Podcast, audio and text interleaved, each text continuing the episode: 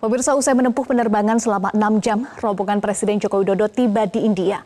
Presiden akan menghadiri KTT G20 yang akan dimulai hari ini di New Delhi, India. Rombongan Presiden dan Ibu Negara tiba di Air Force Station Palam, New Delhi sekitar pukul 7 malam waktu setempat. Presiden disambut Duta Besar RI untuk New Delhi, Ina Krishnamurti, dan atas pertahanan KBRI New Delhi, Laksma Didik Kurniawan.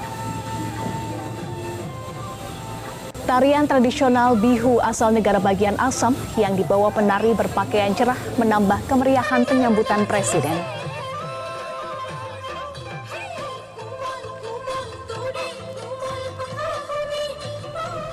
Presiden akan menghadiri rangkaian kegiatan KTT G20 mulai hari ini di New Delhi.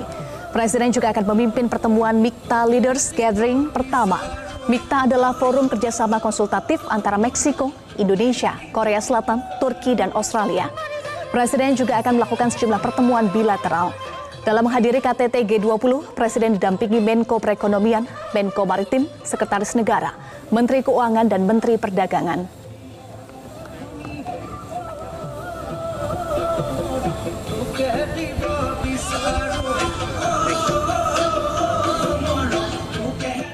Jelajahi cara baru mendapatkan informasi. Download Metro TV Extend sekarang.